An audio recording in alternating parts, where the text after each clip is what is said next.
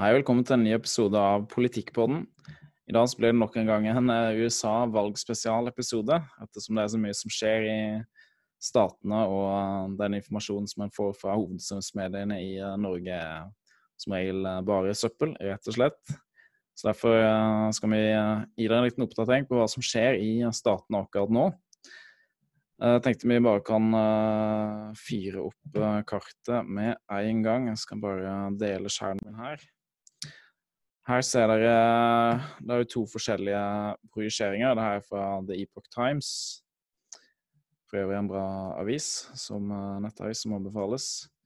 Her står det at de projiserer uh, Donald Trump til å ha 232 valgmenn. Det er jo sånn at for hver stat du vinner i USA, så får du et visst antall valgmenn. Um, ja, kan du sammenligne her med ja, for eksempel uh, Her ser du de som er fremdeles uh, undecided, eller usikre hvem som vinner. Uh, ifølge The Epoch Times så Nevada, Arizona, Wisconsin, Michigan, Pennsylvania og Georgia.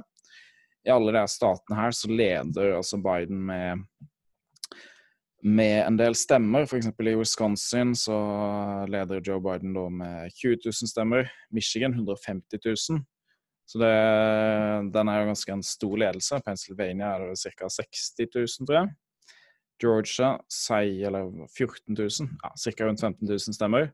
Arizona, der er ledelsen, der teller de fremdeles, frem, faktisk. Så der er det jo ledelsen og krympa til eh, ja, 10 000, ca. Og Nevada, hvor mange var det? Vi får dobbeltsjekke med CNN her.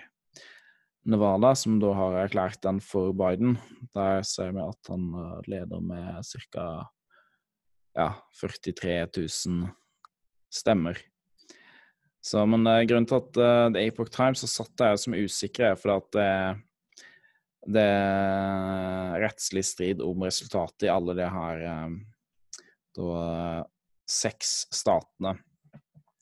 Det som skjer nå, er at i Georgia der kommer det til å bli en uh, Kommer det til å telle stemmene på nytt for hånd. Uh, ettersom jeg forsto det var for hele staten, så skal det telle for hånd. Fordi det var en usikkerhet knytta til valgresultatet, bl.a. ett sted. Jeg har ikke satt meg så veldig godt inn i hva som har skjedd i Georgia akkurat, men uh, iallfall én sak der der uh, alle valgobservatørene ble sendt hjem, og de, sa, de som telte opp stemmene, sa at nå skal vi stenge for natta. Uh, bare kom tilbake hit, det er det klokkeslett, og så fortsetter vi å telle. Og så Istedenfor å stenge, så har de bare fortsatt å telle etter at valgobservatørene var dratt hjem. Så det er jo ikke bra. Da kan du lure på hva er motivet for det. Det skal jeg ikke spekulere i, men det virker jo som Eller jeg skal, jeg skal spekulere i det. Det virker jo som at da er motivet er å jukse. Så merkelig, merkelig, merkelig. Så iallfall i uh, ståa i uh, Michigan Det er jo som sagt 150 000 stemmer som skiller. Men uh, der har altså Trump-kampanjen da Se om jeg får opp sak Nei, ikke den. Denne her. Trump-kampanjen. Her ser dere pressesekretæren til, uh, til uh, i Det hvite hus, Kayleigh McEnany. De har da en 234 eh, lang rapport med affidavits, blant annet. Altså affidavits er da ja, vitnemål som folk har sverga på at det her er sant. Og det er, eh, det er 500, 500 vitnemål der folk uh, sier at de har sett uregelmessigheter og tegn på ja, juks, rett og slett, da, i staten Michigan. Du tenker kanskje at det er bare folk som sier ting, men eh, det er veldig veldig alvorlig og, i USA og i selvfølgelig alle land å komme med et, et falskt vitnemål. I USA så er det på føderalt nivå, altså de føderale myndighetene og myndighetene for hele landet, så er det opp til fem års fengsel for å komme med falske anklager eller falske, bare falske vitneutsagn i et vitnemål. Eh, da er det opp til fem års fengsel. Og i staten Michigan så er det opp til 15 års fengsel. Så det her gjelder jo kun staten Michigan. Så det om folk har lyst til å Det er tvilsomt at folk for gøy på en måte bare slenger ut at uh, de har sett noe på en måte suspekt noe her. Her er det ting som at uh, ja, at det er noen som har observert at folk har stått med en uh, sånn stemmemaskin og kjørt samme stemmeseddelen. Jeg har kjørt en, en, bunke med, la oss si, jeg tror det var 31 stemmesedler som de hadde kjørt gjennom kjempemange ganger, den maskinen, f.eks. Uh, sånne ting, da. Det hadde vært uh, for uh, Ja, for, for, Joe Biden da, vanligvis. gjennom maskinen flere ganger. Så sånne ting det er overhodet ikke bra. Så vi får se hva som skjer der. I hvert fall store, mange mange vitnemål jeg har fått tak i. 500. Som har observert jeg tror det var 11 000 hendelser med uregelmessigheter i Michigan. Så vi får se hva som skjer. Uh, ja, Wisconsin, så får vi se hva som skjer der òg. Om det blir en omtelling. Uh, Nevada, der er det, der er det dokumentert at uh, ja, Jeg tror det var 3000 stykker i hvert fall, som har stemt, som har flytta ut av staten. Det er ikke lov. Døde folk som har stemt.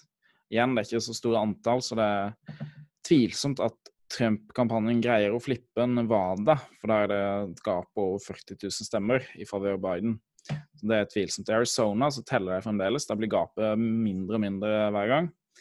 Nå er det jo 10 000 stemmer. Det tror det var en teoretisk mulighet fremdeles for at Trump kan vinne den bare med den oppdelinga som er av stemmer. Men der er det òg noen eh, Ja, der er det noen søksmål som er på gang der fra Trump-kampanjen. Så vi får se hva som skjer.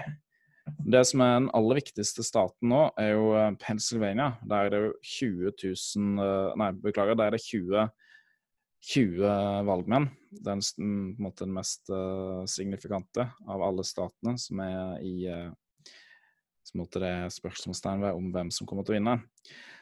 Så der er det snakk om 20 valgmenn.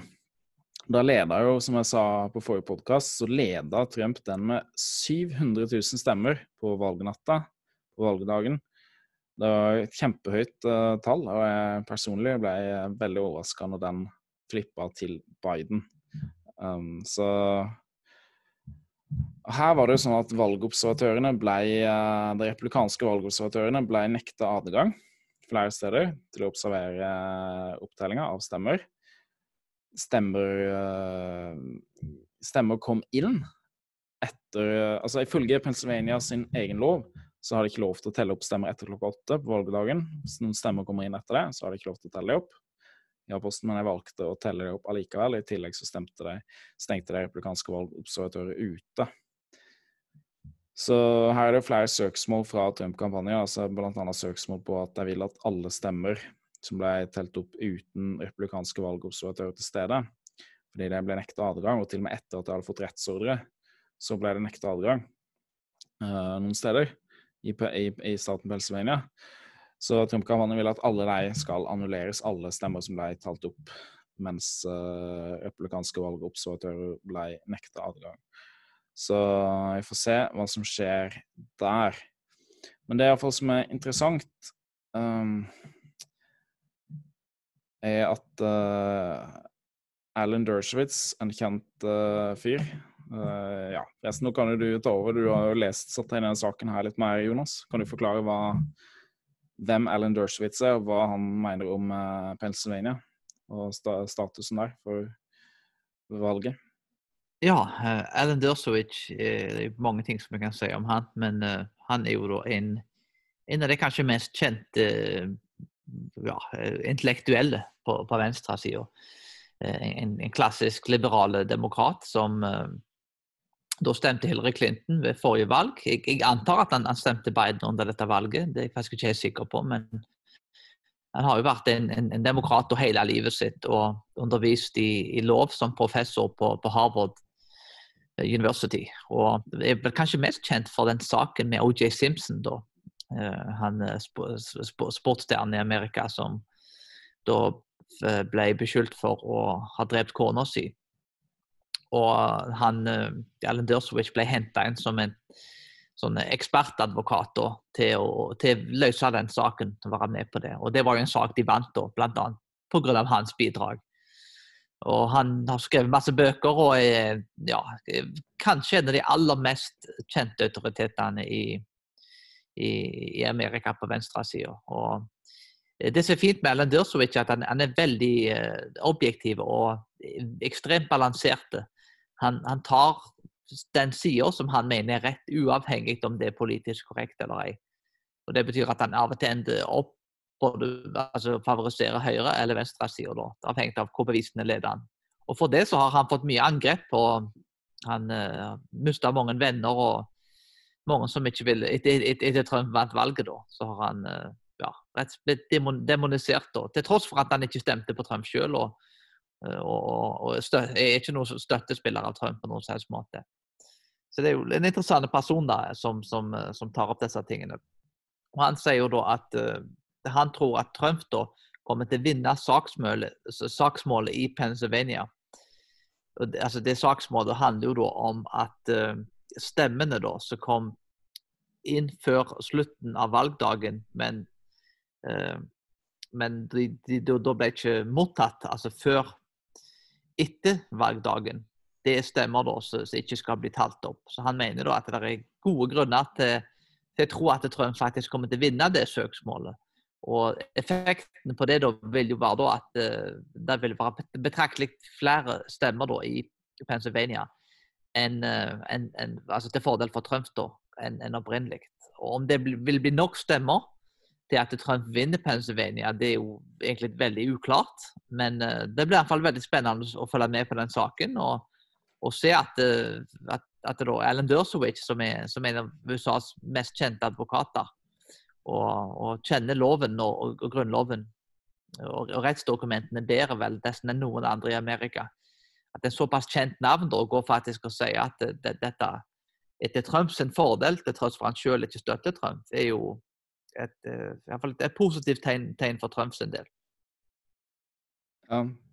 Jeg må bare forklare litt mer bakgrunnen her. så Bakgrunnen for saken er at uh, ifølge Pennsylvania sine egne valglover så har de ikke lov til å telle opp stemmer uh, poststemmer. uh, eller eh, ulike former for poststemmer da, som ankommer, ankommer valglokalet etter klokka åtte på valgdagen.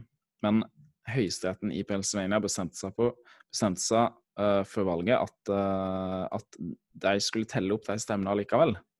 Til tross for at loven sier noe annet. Og det er mm, ganske klart, virker jo for min del, og jeg, har ikke, jeg har ikke peiling på juss, men det virker jo ganske klart at det er ulovlig. Å si at en, måte, en domstol kan ikke si at du kan tilsidesette egne lover. Så det, Derfor kan denne saken her gå til Høyesterett, og Andersewitz mener at Trump kommer til å vinne den saken. Hvis den går til Høyesterett. Hvis Høyesterett vil ta den, da. Så vi får se om Høyesterett Det er jo ikke sikkert Høyesterett vil ta den engang.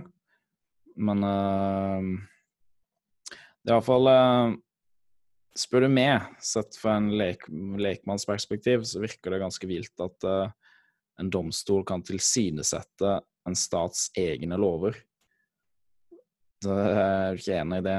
Du er jo en lekmann innen juss, du er Jonas. Men uh, hva syns du om det at den høyesteretten i Pennsylvania beordrer valgmyndighetene til å tilsidesette Pennsylvania sine egne lover?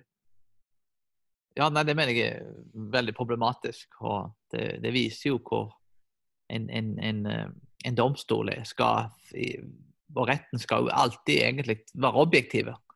Men, men man ser hvor ufattelig politisert alt er blitt. Og, og, og igjen, der har vi jo en forskjell mellom, mellom venstresida og høyresida. er jo at det, i Amerika at det i mye større grad også, bl.a. med Supreme Court Justice og andre ting, at uh, mye av den konservative rettsforståelsen er faktisk at du leser dokumentene og det som står. At du driver ikke aktivisme i, i rettssalen og i domstolen. Du, du, du, følger lovverket, og du går ikke ut forbi lovene til tross for at du gjerne vil ha viljen din gjennom.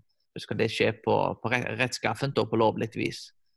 Og den, den, bare den forståelsen med den typen dommere du får, etter et, et, hva hvilken rettsforståelse du har. Det, det, det, er ganske avgjørende. Og det ser vi jo nå at eh, det, det er mange som jobber i, i, retten som er aktivister. De er ikke dommere, de, de er aktivister som, som, er der egentlig for å kjøre gjennom synet sitt. Mm. Beklageligvis. Ja. Jeg kan nevne det var en annen sak. Nå har ikke jeg funnet fram avis eh, eller en uh, avis, uh, nettside som snakker om den saken. Der et søksmål der Trump-kampanjen vant i Pennsylvania. Og det handla om at uh, ifølge Pennsylvania sine lover så må Der det mangler det, um, dokumentasjon på hvem personen er på valgseddelen, så må det tilveiebringes innen uh, 9.11. Valgåret, altså valgdagen er jo da 3. november, og så må, der det mangler ordentlig identifikasjon på hvem stemmegiveren er, må den tilveiebringes innen 9.11. Og det var jo en lov der Pennsylvania hadde tilsidesatt sin egen Eller på en måte et tilfelle der Pennsylvania hadde tilsidesatt sin egen lov og sagt at nja, pga. at det er så mange stemmesedler som kommer inn så seint i år, så forlenger vi den fristen til 12.11. Så det var en del stemmesedler da som har blitt uh, talt opp, har, uh, der de har fått dokumentasjon på hvem personen er, da helt opp til 12.11 imot, som går imot de sine egne lover. Uh, og Det Trump-kampanjen vant på, var at uh, de fikk kun lov til å telle stemmer der de har fått uh, dokumentasjon på identiteten til stemmegiveren da innen uh, 9.11. Så det var en liten en sak der Trump-kampanjen vant. Jeg vet ikke hvor mange stemmer det gjaldt, så jeg tror ikke det var så veldig mange stemmer. Det fall, men det er iallfall noen stemmer da som vil ha blitt uh, sletta, antakeligvis, for poststemmene gikk overveldende til Biden. Så det er iallfall eh, noen stemmer der som kommer til å bli sletta, som har gått til Biden. Antakeligvis noen for Trump, da, men uh, overveldende for Biden. Og så pluss denne saken her, da, der, der det har te, altså, helt tatt telt opp stemmesedler som har ankommet da etter klokka åtte valgdagen. Og I tillegg så har det jo Trump-kampanjen så altså det her, det her så det er, Ifølge eh, Trump-kampanjen gjelder det her da Det er derfor snakk om at det er 600 sånn 000 stemmer som bør annulleres i, i Pennsylvania. Uh, men vi får se hvor mange det gjelder, da. Og hvis det hele tatt det her kommer opp til Høyesterett. Så vi får se. Iallfall. Uh, det som er sikkert, er at resultatet i staten Pennsylvania, som har 20 valgmenn, det er ikke sikkert. Vi får se hva som skjer. Jeg har ikke noen uh, måte ikke profetere her og si hva som kommer til å skje, men uh, det er iallfall Vi vet ikke hva som skjer.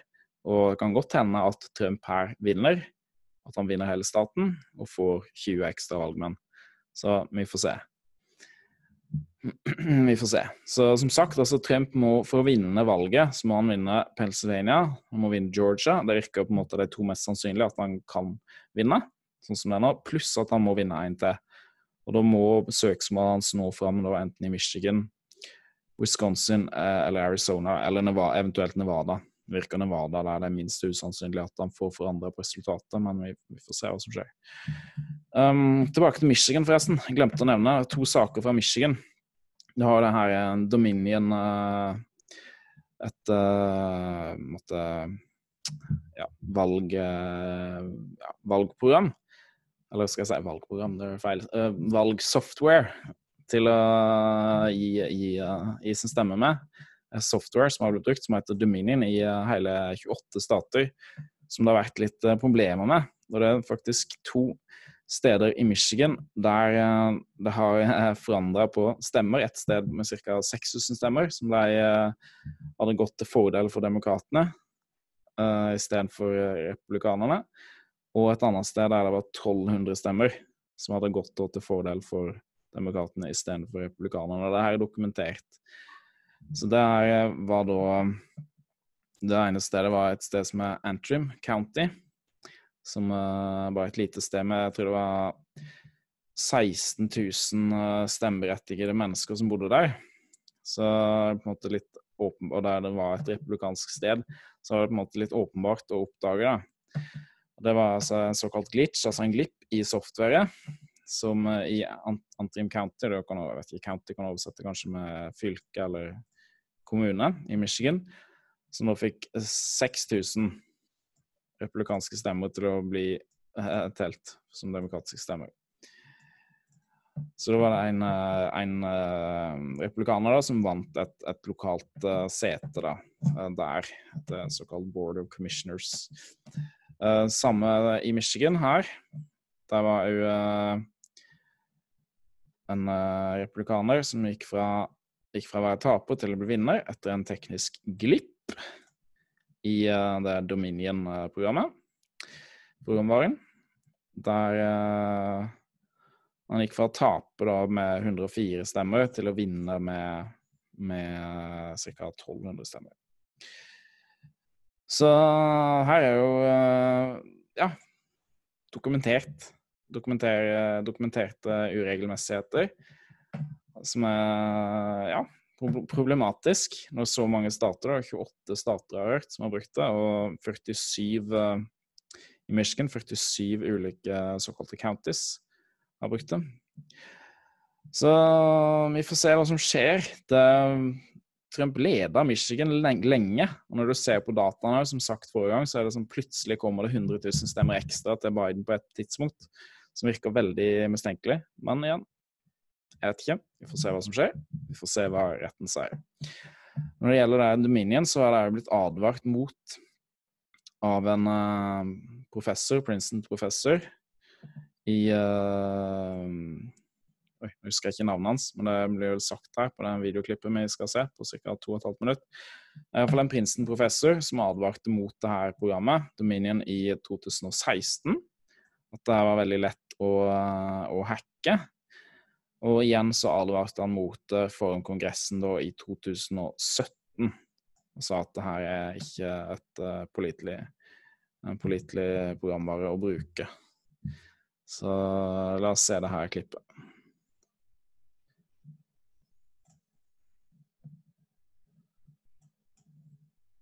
Has been a significant part of this presidential election, with emails from former Secretary of State Colin Powell and the Democratic National Committee being released and talked about. But could a hacker actually change your vote? Federal officials are adamant that that would be nearly impossible. But is that correct? Senior correspondent Eric Shawn investigates. Can a machine be hacked? I have demonstrated how to hack the ABC Advantage voting machines that we use in New Jersey.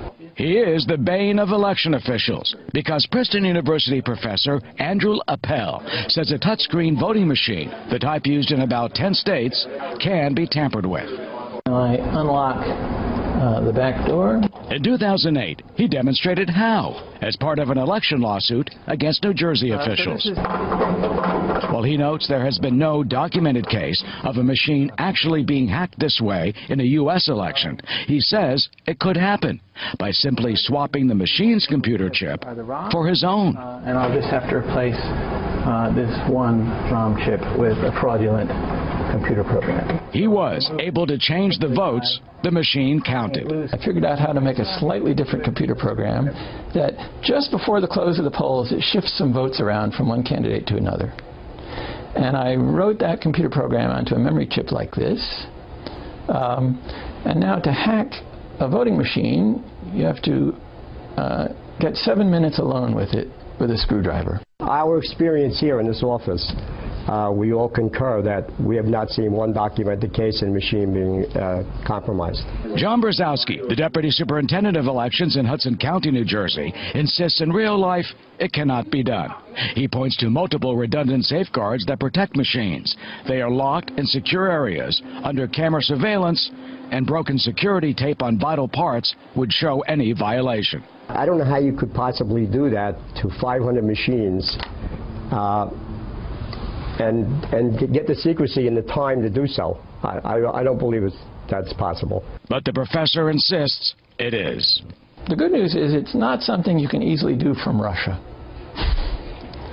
Um, but the bad news? But the bad news is that it really is possible to do locally. Well, the voting machine company Dominion told us the demonstration is not a realistic assessment, not a credible test, they say, because it was not an actual election.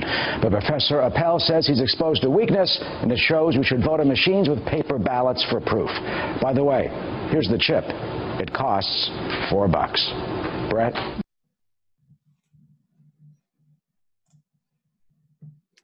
Ja, så um, ja. Det kommer komme noen elleville påstander om eh, Dominion. Her så her ser du jo Donald Trump som tweeta for to dager siden uh, om at Dominion er en rapport da fra, fra Han siterer vel ON, altså One American News Network, er det One America News Network, det heter. Ja, i hvert fall er det snakk om at uh, det programmet, programvaren Dominion sletta 2,7 millioner Trump-stemmer uh, over hele USA, og at uh, 221 000 Pennsylvania-stemmer ble da uh, bytta fra Trump til Biden, og 941 000 Trump-stemmer ble sletta. Uh, ja. Så om det stemmer, det vet jeg ikke. Det er en ganske ellevill påstand å slenge ut av, uh, av Trump. Men det er vel opp til rettsvesenet å se om det, det stemmer. Så, men iallfall at uh, her Dominion-softwaren er problematisk. Det virker jo da nokså klart. Så vi får se. Vi får se hva som skjer. Um, ja. Det var egentlig det jeg har å si om sånne valget spesifikt. Har du noe mer å tillegge akkurat om det, Jonas? Nei, ikke noe spesielt. Si. Det, det, er ikke utenom det at det, blir spennende å følge med. Vi, vet jo at det der er valgfusk, og det er vel sannsynligvis mye mer av det dette året enn hva det var tidligere. Spørsmålet er jo da hvor, hvor mye valgfusk det er, og om det er mulig å, å, å bevise det. Det er jo det, det spørsmålet vil avgjøre på en måte hvordan dette vil gå. Og Det vil nok ta litt tid, og vi vil nok ikke få vite resultatene helt ennå. Og Jeg må jo ha i minne at eh, det er ikke mediene som, som bestemmer hvem som er president. Det er faktisk forvaltningsorganet i, i, i USA som bestemmer det de som heter da, eller GCA. Og Det er de da som godkjenner overgangsprosessen e-, etter presidentvalg. Og Den siste rapporten iallfall jeg leste, var vel den 9. november. Og De har da ikke tatt kontakt med Joe Bidens team. og jeg har, jeg har, ikke sett noe i etterkant at de har gjort det. Og Dermed da så er det faktisk ikke grønt lys for at Biden har offisielt vunnet valget. Til tross for at det rent statistisk sett er, er, er det følge til alle tingene som er, som er mest sannsynlig. Men, eh, men, ting er fortsatt åpen, og når forvaltningsorganet da gjør det tydelig da, at uh, altså hvem, som skal bli president, og da er det avgjort.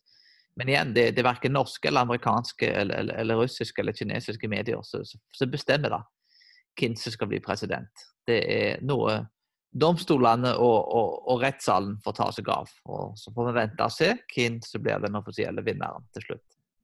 Ja. Nei, svaret er jo rett og slett bare at vi får vente og se. Så, så jeg, bare for å gjøre det klart, da. Uh, jeg heier på Trump. Du heier på Trump. Jeg håper han vinner. Men jeg, jeg håper enda mer at den rettmessige vinneren vinner.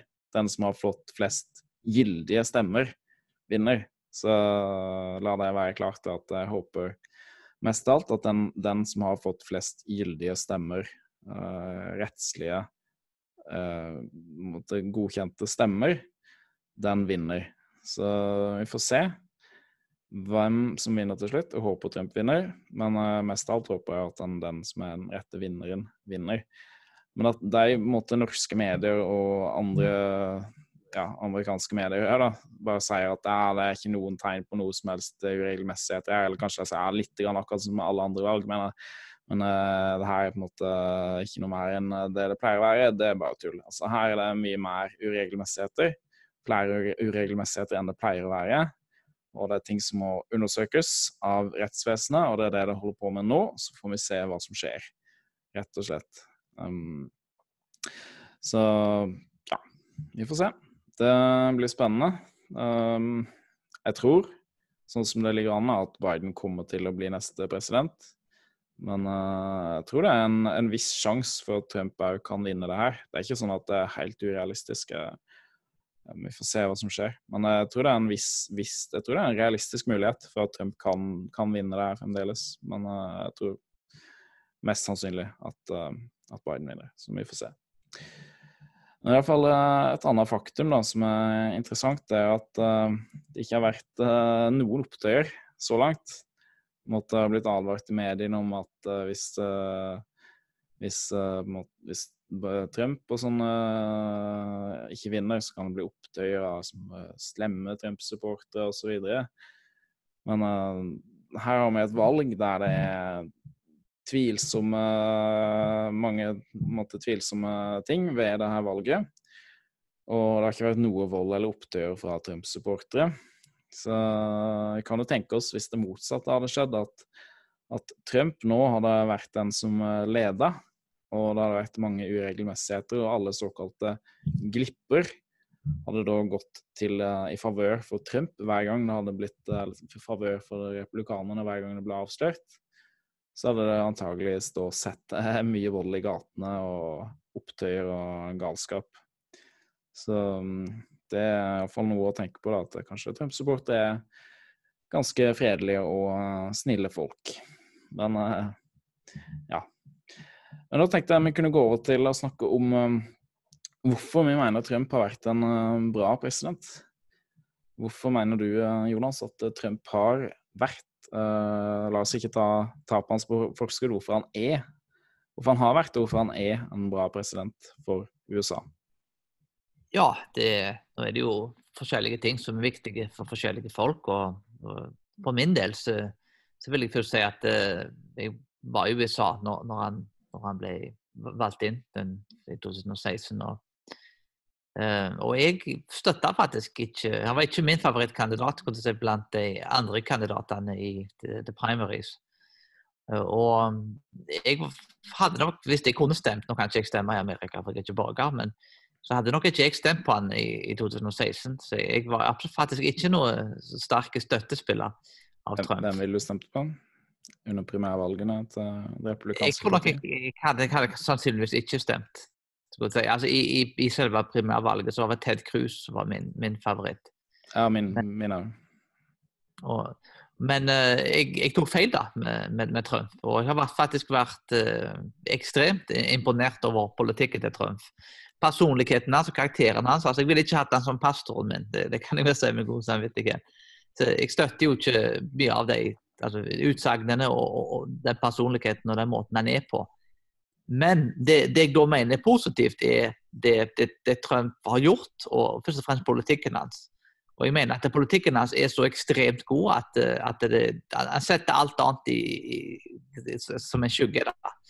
Så det er egentlig ganske ubetydelig at, at Trump er, kan virke som en bølle og er frekk og har dårlige personlighetstrekk, med tanke på at politikken hans er så ekstremt god noe av den beste politikken eh, sikkert siden Ronald Reagan eh, for konservative Amerika. For min del da, så blir de tingene jeg som for meg er viktig, det er han har vært klokkeklare om abortspørsmålet. Han er imot abort. Og det har gjort det tydeligere kanskje nesten enn noen annen president. Uh, når det kommer til å sette inn dommere i, i Høyesteretten, i Supreme Court, så, så, la han ut lister og sa at han skulle få inn dommere som faktisk leser loven sånn som den står. Apropos abort, apropos abort, da, for å bare si det med selvbestemt abort, så var den første presidenten som har vært uh, uh, altså i uh, kjødelig til stede på en sånn March for Life-rally i Washington DC. Så den første som har vært der kjødelig og talt. Ronald Reagan hadde, tror jeg han tidligere har talt på sånn March for Life, såkalt rally eller folkemøte i Washington DC, men da var det per telefon. Så det er jo vanvittig sterkt, bare det at han, han, han på en måte viser seg fram da, for den saken. Og så den her Mexico uh, Mexico, Mexico, Mexico, City Policy, der uh, som han uh, gjeninnførte, der det tidligere hadde ingen bistandspenger til USA skulle gå til gå til å fremme selvbestemt abort i andre land. Den uh, satte han inn på nytt. da. Donald Trump. Så det er jo to eks konkrete eksempler på hvordan han har vist sin støtte for, uh, for å bekjempe selvbestemt abort. Absolutt, altså. Og det er jo en, en ekstremt viktig ting. Og bare at han satt inn hun eh, Amy Beretti på slutten nå, var jo en, kanskje den, en av de beste dommerne, i hvert fall. Forhåpentligvis det vil vi jo se da, hva, hva, hva type valg hun tar. Men en av de beste dommerne, kanskje, og kanskje den aller beste dommeren som, som man har satt inn. Og som gjør faktisk at uh, du får en dommer som faktisk leser Grunnloven sånn som den står, og ikke det aktivistene som leser og tolker sitt eget syn inn i Grunnloven. Og Utenom det da, så, så er han da for Israel, i, i motsetning til, til, til Bush, til, til, Clinton og til Obama. Så alle sa de skulle flytte ambassaden da, eh, den amerikanske ambassaden til, til Israel. Så, gjorde Trump det. Og han har vært den mest israelsvennlige, til tross for han blir kalt Hitler, både i norske og amerikanske medier jevnlig. Og ironisk nok ofte av jøder, som da ikke det ortodokse og ikke det jøder som er veldig politisk konservative, men sekulære jøder, da, som, som da ofte er beklageligvis fiendtlig innstilt til Israel. Eh, men, men, Trump har vært den, den, beste vennen som Israel har hatt, det var det Netanyahu sa. Eh, ekstremt israelsvennlige politikk. og midt i min mening så bør vi alle støtte Israel, fordi det er det eneste frie demokratiet i Midtøsten. Av den enkle grunnen der alene, så, så burde alle være Israels venner. Eh, Trump er, er pro familie, og han han har eh, i hvert fall en viss støtte da, til, til, til, en tradisjonell eh, og ekteskapsforståelse. Og spesielt da med hensyn til hvordan det nye, den nye ekteskapsloven, der godkjenningen av LGBTQ og homofilt ekteskap har trua religionsfriheten og samvittighetsfriheten.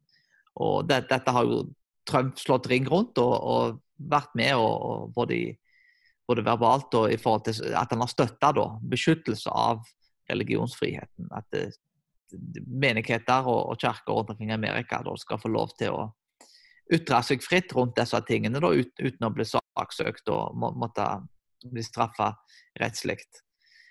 En av de aller viktigste tingene utenom som Trump har bidratt med, er ytringsfriheten. Han er den mest politisk ukorrekte presidenten som, som kanskje har levd i amerikansk historie. Og det er ingenting vi trenger mer i disse tidene enn en, en politisk gjerne den politiske Jordan B. Peterson. En, en, som står opp og bare sier ting som du ikke har lov til å si. Ting som er upopulære, ting som er politisk ukorrekte. Hvis du leser Hanne Arendt, jødiske filosofen da, som analyserte holocaust og hvordan nazisten sto frem, så sier hun at den tingen som er med å, å faktisk utvikle et fritt samfunn og bevare frihet og unngå det kollektive samfunnet som nazistene hadde, er nettopp det at noen slutter å gå i takt de går imot strømmen og sier det motsatte av det alle andre sier, for å bryte da politisk korrektheten. Og der har Trump vært eh, Bare for ytringsfriheten alene så har det etter min mening vært det har Trump vært en kanonsuksess. Det er virkelig behov for folk nå som sier upopulære ting. Uh, utenom dette her, så er det jo at han, han har jo hatt en fantastisk god økonomi. Det er noen New York Times rapporterte. Så økonomien under Trump har vært Eh, kanonbra. Ekstremt lav arbeidsledighet blant minoriteter og generelt sett en, en, en hyre god økonomi. Før, før coviden slo inn, så, så, så, had, så var, lå Trump ekstremt godt an til, til, å vinne en landslide på valget. Det er vel egentlig coviden som, som, eh, som kom og ødela det for han. Utenom dette så er det jo den og kanskje et viktig argument for oss, oss nordmenn, er det med masseinnvandring og bygge den muren. Og Mange tenker at dette er liksom rasistisk og han er fæl. Og nå skulle det sies at Bernie Sanders var faktisk den som mente da at det var faktisk kapitalistene, Koch-brødrene, da, at det var de som egentlig ville ha masse, de rike da, vil ha masse innvandring for å få billig arbeidskraft. Trump er en mann, til tross for at det ble fortalt det motsatte i norske medier, han er en mann for arbeiderklassen. Han er en mann for minoritetene. Han er faktisk en mann som vil sette tariffer på de store bedriftene og flytte bedriftene fra Mexico og Kina, og vil at varer skal bli produsert i Amerika. Og, og ha grenser som beskytter landet, sånn at folk får rett på sitt eget arbeidsmarked. At ungene ja, deres... Kan jeg bare skyte inn her? Altså, det her viser jo ofte som falskheten i argumentene til folk som er altså, står står for på en måte Eller demokratene, rett og slett, i USA er falskheten i argumentene. For det vil jo um, en, en, for, altså en, forutsigelse for, for, hva som kommer til å skje nå med Joe Biden uh, hvis han blir president, det er at han kommer til å ta opp uh, skatten, selskapsskatten. Han har vel sagt den skal opp til 39,1 prosent, nesten 40% og sier at nei, vi må skattlegge de rike, for at de, de, måte, de er slemme. De, hvis du er rik, så er du slem. Vi må skattlegge de store selskapene, for de betaler mer inn i systemet, på en måte betaler sin del for å finansiere velferdsgoder for andre. Så blir de skattelagt hardere enn mye hardere enn under Trump. Og så sier du i tillegg at vi må på en måte ha handelsavtale med Kina, vi må være tolerante, på en måte ha på en måte den, denne den eh, trans, eh, trans eh, sti- altså den stillehavshandelsavtalen, jeg husker ikke hva den heter, da, som, de hadde, som ble fremforhandla under Obama. Så den kommer til å komme tilbake igjen. Der Kina får mye bedre betingelser enn de har fått under Trump. Det kommer til å bli mye billigere for bedrifter å flytte fabrikkene sine tilbake til Kina, der det er mye mye billigere arbeidskraft. Det kommer, kommer i tillegg til Biden sikkert kanskje til å si at vi må på en måte ha en minimumslønn på 15 dollar i timen og høyere selskapsskatt og en frihandelsavtale med Kina. Alt kommer det til å si at det skjer i kjærlighetens og toleransens navn, men konsekvensen av de tre, de, de tre polit, eh, politikk, politikkene uh, i, i praksis er, er at bedriftene kommer til å legge ned fabrikkene i USA. De kommer til å flytte dem til Kina, fordi det er mye mindre skatter og det er billigere arbeidskraft. Folk i USA kommer til å miste jobbene sine. De kommer ikke til å få tak i jobb. Kommer til, mange kommer til å gå tilbake for velferd. Og det er jo som skjer når du setter opp eh, en minimumslønna i USA, er at jobber blir automatiserte. At folk da er, som har jobba på McDonald's eller Burger King og hatt en lav lønn der, men iallfall hatt en jobb, så kommer de til å, å bli sagt opp. Kommer til å sette inn maskiner, og så får ikke de noe jobb lenger. For at den blir automatisert og istedenfor for det er for, for, for dyrt å ansette folk. Så på en måte alt blir fremlagt som at ah, det her gjør vi i kjærlighetens navn. her så må vi være tolerante overfor kineserne, ikke på en måte vise noen sånn rasistiske tendenser overfor dem. Vi må sette opp skatten for at, det, det selskapene fordi de må bidra mer. Og vi må ta opp minimumslønna. Men kombinert, eh, alle de eh, politiske løsningene, blir at jobbene forsvinner til Kina.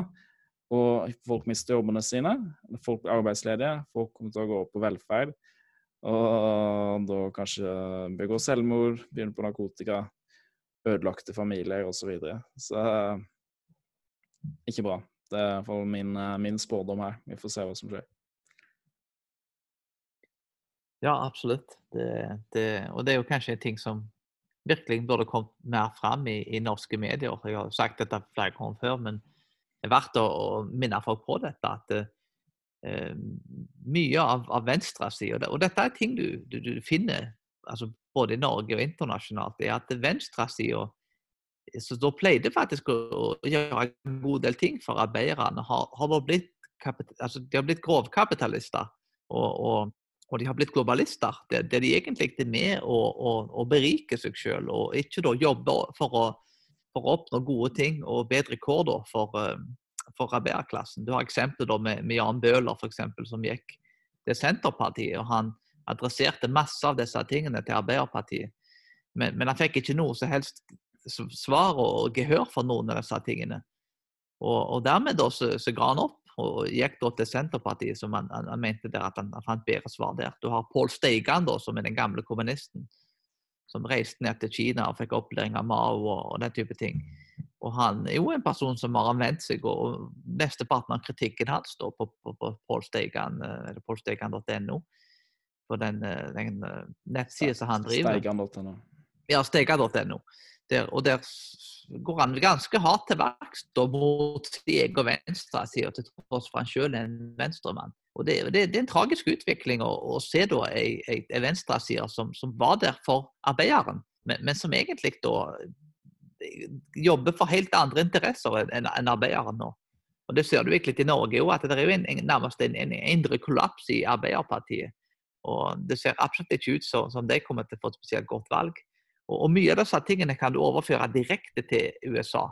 Altså Trump da, er, er ikke, Det er ikke hans feil at det får flytta bedriftene. Altså, det var ikke hans, eh, Trump har ikke flytta bedriftene sine til Kina. Det, det, det er det milliardærene og de rike som har gjort det. Og Trump da kommer så, som, et, som et svar egentlig på en, på en middelklasse som, som rett og slett det de ser at jobbene de blir outsourca, og jobbene deres forsvinner. Dette er folk som har betalt skatt til Amerika. Forfedrene deres har betalt skatt. Og de vil at ungene deres skal få en like god framtid som de sjøl har. Og det er her Trump kommer og sier at han, han skal bringe jobbene tilbake. Og Det er derfor først og fremst Trump har fått alle de stemmene han har fått. Og Det, det er tragisk at dette ikke blir rapportert i mye større grad i norske medier. Dette er informasjon som er lett tilgjengelig for folk. og folk bør, altså De som rapporterer dette, bør vite bedre. Og de vet bedre. Det, det, det er en, en, form for indoktrinering. og eh, At de unnlater å rapportere ting som, som egentlig er veldig åpenbare og tydelige for at de som vil se det som faktisk skjer. Mm. Ja. Det får legge til mine grønne to, for jeg mener at Trump har vært en god president. Um, så er det at han er han er autentisk. Det kan nevne først da, at det det måtte du ha folk som uh, Det er Victor Davis Hansen som skrev om det her i The Case for Trump, en bok som jeg ikke har lest, men en kamerat av meg har lest den. Har lest et sammendrag av. Men han er iallfall, kan høre podkaster, han og Ben Shapiro intervjuet han og sist søndag, tror jeg det var. Så jeg, jeg anbefaler folk å, fall, sjekke det ut og høre på det. Men i han, han snakker om det at Trump er autentisk. Da. Han går med samme klær, han samme Queens uh, New York-aksenten uansett hvor han går. Han prøver ikke på en måte å påta seg en annen personlighet. Han har, du kan vite hva han tenker hele tida. Bare sjekke Twitter-kontoen hans, så ser du hva han tenker. Mens det står i kontrast til f.eks. Mitt Romney, da, som det han, han var holdt politisk kampanje i, eh, Midtvesten i USA, så eh, tok han på seg dongeribuksene og tømmerhoggerskjorte. Og på en måte gikk rundt der og måtte prøve å være en av dem. Men uh, det var åpenbart for, for folket som var der, at det stemte jo ikke. Så, men Trump går i samme dressen, han er autentisk. Så folk vet hva de får med Folk visste på en måte, iallfall personlighetsmessig og sånn, hvem, hvem, de fikk med. Han visste jo ikke politikken. da. Han, løft, han lovte jo mange ting, men det, folk tenkte vel, da han ble valgt i 2016, at når vi har hatt de andre republikanske politikerne, andre politikere generelt, som ikke holder løftene sine. Nå går vi for en fyr som ikke er politiker, som er autentisk. Han virker ikke som han måtte prøve å lure oss. Vi får se hva som skjer med han her, så bare tester vi han ut. Og det vil jeg si har vært veldig lurt. og Han har ført en, en glimrende politikk. og han, Det er så forfrisk, forfriskende å se at han holder løftene sine. Som, som du sa, at alle presidenter siden Bill Clinton har sagt at de skal flytte ambassaden fra, den amerikanske ambassaden fra Tel Aviv til Jerusalem. Ingen har gjort det. Trump sier det samme. Ingen egentlig tenkte noe særlig over det. Det var ikke noen stor sak at han sa det under kampanjen sin. Men idet han, han har blitt valgt, så bare gjør han det. Alle sa nei, nei, nei, du må ikke gjøre det. Jeg måtte inn i hans egen administrasjon òg sa at nei, nei, nei, du må ikke gjøre det, det er kjempefarlig. Araberne kommer til å bli kjempesinna. Men han gjorde det, og gjett hva? Det skjedde ikke noe særlig opptøyer faktisk i det hele tatt i uh, Jerusalem. Det skjedde faktisk flere opptøyer i Europa pga. det som skjedde. Det sier jo litt om om uh, ja, den demografiske utviklingen i Europa og uh, med mye muslimer og sånne tilstander i Europa. Og Israel. Det er noe vi har snakka om mye i uh, episode to. Så hvis folk vil høre om det, så får de gå tilbake til episode to.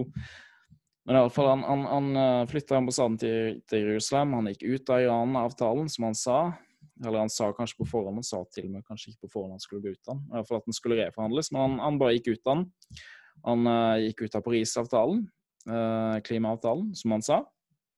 Du kan si at du kan like eller ikke like det, men han gjorde det iallfall. Han gjorde det han sa. Og når det gjelder uh, måtte, Utenrikspolitikken hans har vært glimrende. Han har ikke starta noen nye kriger. Han har, han har, uh, han har ført en realistisk utenrikspolitikk. Han har hatt samtaler med Kim Jong-un kan si ah, kanskje det er på en måte dårlig å leg legitimere han osv., men jeg tenker at det er bra for å forsøke. Nå fikk han ikke noe suksess med det, men han har fått fredsavtale på plass mellom Serbia og Kosovo, mellom Sudan, Bahrain uh, Eller med Sudan og Israel, Bahrain og Israel og Forente arabiske emirater og Israel. Det er vanvittig bra ting. og Hvis Obama hadde klart det her, så hadde han blitt hylla som uh, en enda større Messias enn han ble i media. Men med Trump så blir det på en måte bare dyssa ned. Han har eh, vist at uh, det er mulig å gå imot denne progressive politikken. Det er mulig å si at uh, nå skal vi forandre innvandringspolitikken her. Vi skal på en måte ha slutt på, vi skal ha slutt på masseinnvandring. La oss bygge muren. Vi har faktisk fått bygd en god del av muren uh, mot slutten av sin presidentperiode, Trump. Det, det er jo veldig bra. Uh, man har sagt at vi skal bygge muren. Vi skal prøve å få slutt på den illegale innvandringen til USA. Han har sagt at han vil ha slutt på den liberale handelspolitikken, som har ska skada arbeiderklassen og middelklassen i USA sterkt. Og han vil få jobbene tilbake. Istedenfor på en måte hele tida det narrativet om at det er, bare sånn historien går. Historien er sånn at vi må på en måte åpne opp våre samfunn for på en måte strømmer av, av mennesker fra andre deler av verden uten noe særlig, særlig kontroll og sånn. Og vi må på en måte akseptere at det, vi har frihandel med resten av verden. og alle de problemene det påfører vår egen befolkning, vår egen arbeiderklasse og middelklasse, det måtte de bare akseptere. Men Trump har sagt nei, vi trenger ikke det. Og det er mulig å gjøre det annerledes. Jeg tror det er noe av grunnen til at folk er så hissige på at han har vist at vi trenger ikke Historien er ikke nødvendigvis sånn at, at ting bare vil, fabrikker vil flyttes til Kina.